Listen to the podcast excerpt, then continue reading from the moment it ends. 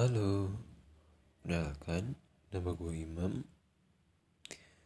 Gue di sini akan cerita sedikit tentang kehidupan pribadi gue